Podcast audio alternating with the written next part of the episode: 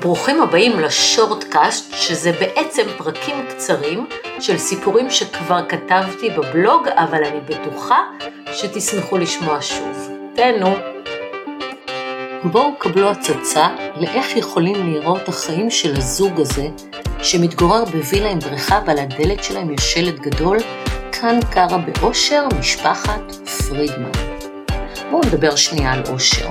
אומרים שאושר מורכב מהרבה חוויות ורגעים קסומים.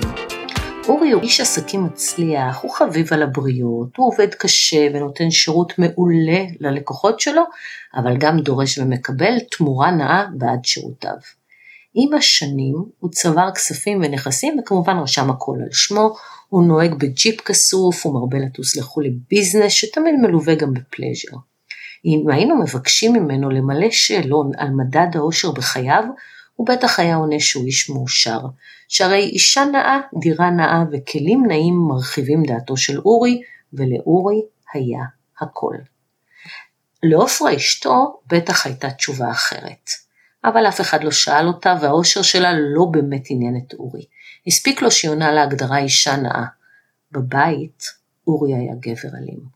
במשך שנים ארוכות הוא דאג להשפיל את עופרה עד עפר.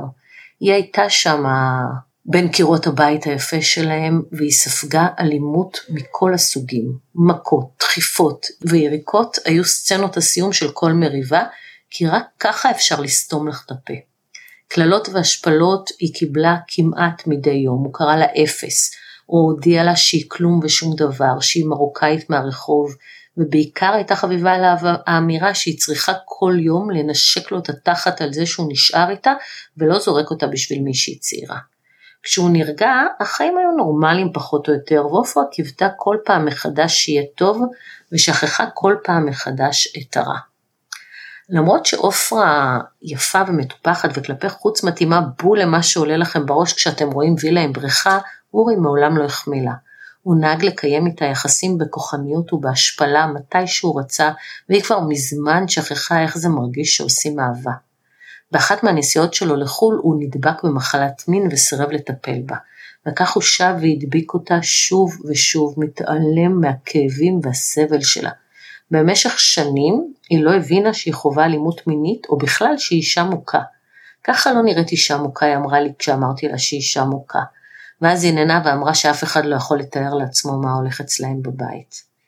ארבעה בנים נולדו להם ברבות השנים והיא טיפלה בהם כמעט לגמרי לבד. הוא התייחס לילדים בעיקר בשבתות כשהחליט לקום משנת לילה ארוכה.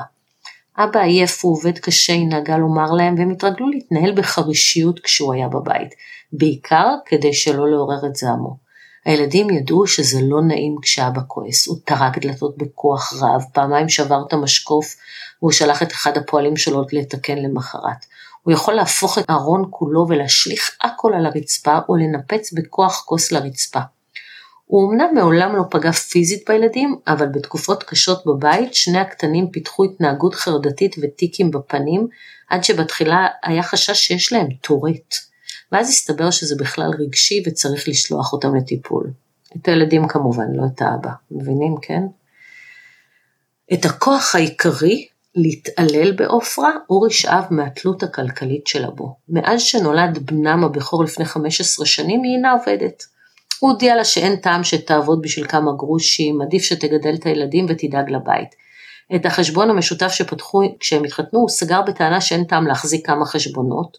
היא החזיקה שתי כרטיסי אשראי שלו, אבל הוא שלט במסגרת האשראי והיא מצאה את עצמה לא פעם בלי יכולת לשלם שקל.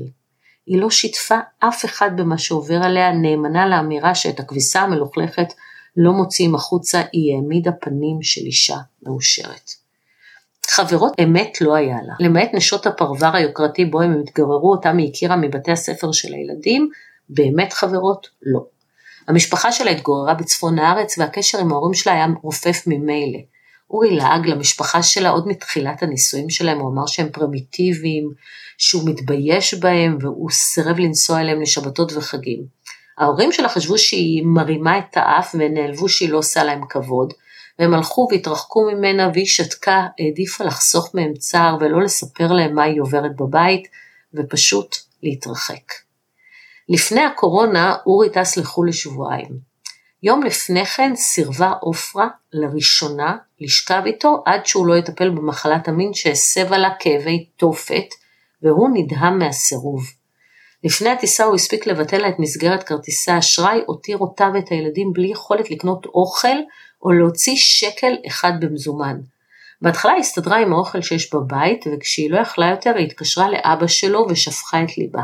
היא כמובן לא סיפרה לו הכל, אבל היא ביקשה עזרה עם קניית אוכל לארבעת הנכדים, וסיפרה שאורי לא מדבר איתה ולא עונה לה לטלפונים או להודעות. עם הוריו אורי דווקא הרבה לשוחח, והוא היה בן מקסים ודואג ככה שהם לא העלו על דעתם איך הוא מתעלל בכלה שלהם. הוריו שלחו לה משלוח מטיב טעם וככה היא הסתדרה עד שהוא חזר. כשהוריו שאלו אותו לפשר העניין הוא פתר אותם בחיוך ואמר שזה סתם אה, מריבת אוהבים, אבל לה הוא כתב הודעה שהקפיאה את הדם בעורקיה. עשית את טעות חייך, תראי כבר שאחזור. אורי שב זועם מחו"ל.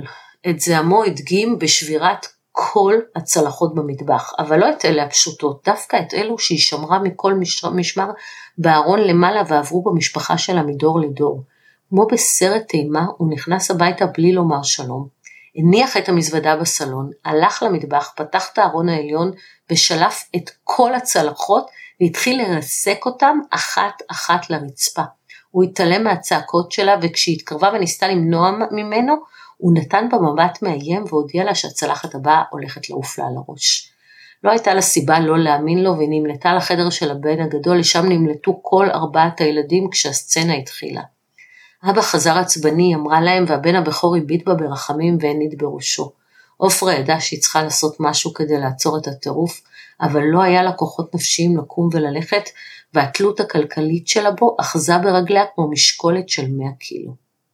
כשהוא נרגע ועלה להתקלח, עופרה מיהרה לנקות בדמעות את המטבח משברי הצלחות שכיסו את רצפתו, פרקה את המזוודה שהשאיר בסלון וכיבסה לו את הבגדים. באותו לילה היא לא העיזה לומר לא, והוא אפילו לא שם לב שהדמעות זולגות מעיניה בלי יכולת לעצור אותן. את מסגרת כרטיסי האשראי הוא לא החזיר. הבית כבר התרוקן מאוכל והיא חששה לפנות שוב להוריו ולוותה 200 שקל מחברה כדי לקנות כמה מצרכים בסופר זול אליו היא נסעה במיוחד. באותו יום היא הרגישה ממש רע פיזית ונפשית. היא הניחה את הקניות במטבח ועלתה לחדר השינה לנוח. אורי חזר הביתה רותח מעצבים. הוא נכנס לחדר שינה והתחיל לצרוח, זהו, אני מתגרש ממך סופית, יא חתיכת אפס, מרוקאית מסריחה, תעיפי את התחת שלך מהבית הזה, שקל לא תקבלי. ואז הוא זרק עליה מטפה ירוקה, בתוכה נחה בקשה ליישוב סכסוך שהוא הגיש באותו בוקר לבית הדין הרבני. בדיעבד התברר לעופרה שהבן הבכור צילם סרטון שלו, שובר את הצלחות ושלח לסבא שלו, אבא של אורי, למחרת ביקש אבא שלו לשחח איתו והראה לו את הסרטון. אני רציתי לפנות למשטרה, הודיע לו אביו ודרש ממנו להבין מה קורה. זה הכל היא, הסביר אורי לאבא שלו. היא מוציאה ממני רוע, אני שונא אותה. אם אתה שונא אותה, אל תחזיק אותה בכוח, ענה לו האב החכם, אבל אי אפשר להתנהג ככה בבית. בזעמו הלך אורי לבית הדין הרבני ופתח תיק. כשעופרה קיבלה את המעטפה, משהו בה נשבר. היא שכבה במיטה והיא בכתה יממה שלמה. הילדים טיפלו בעצמם והתנהלו בשקט עד שהבן הגדול הזעיק את סבו הביתה. הסבא הגיע, עזר לעופרה לקום, הודיע לה שהוא יעזור לה לקבל את מה שמגיע לה גם אם זה יפגע בבנו. החיים קצרים, הוא אמר לה ממרומי העשור השמיני לחייו. לא טוב לחיות אותם ככה, בלי אהבה, בלי אושר, מגיע לך יותר. אבא של אורי קבע איתי פגישה במשרד והגיע אליה עם עופרה. יהיה לה קשה מאוד מול הבן שלי, היא חייבת את ההגנה הטובה ביותר, הוא אמר ושכר עבורה את שירותיי. את תקבלי מספיק כסף תוכלי להחזיר לי, אמר לעופרה כשהיא לא מצאה את המילים להודות לו. השבוע, ואחרי חודשים ארוכים של משא ומתן קשוח, עיקולים וצווי מניעה, הם התגרשו. זה היום הראשון של שארית חיי, אני הולכת לאסוף פיסות קטנות של אושר, היא סימסה לי.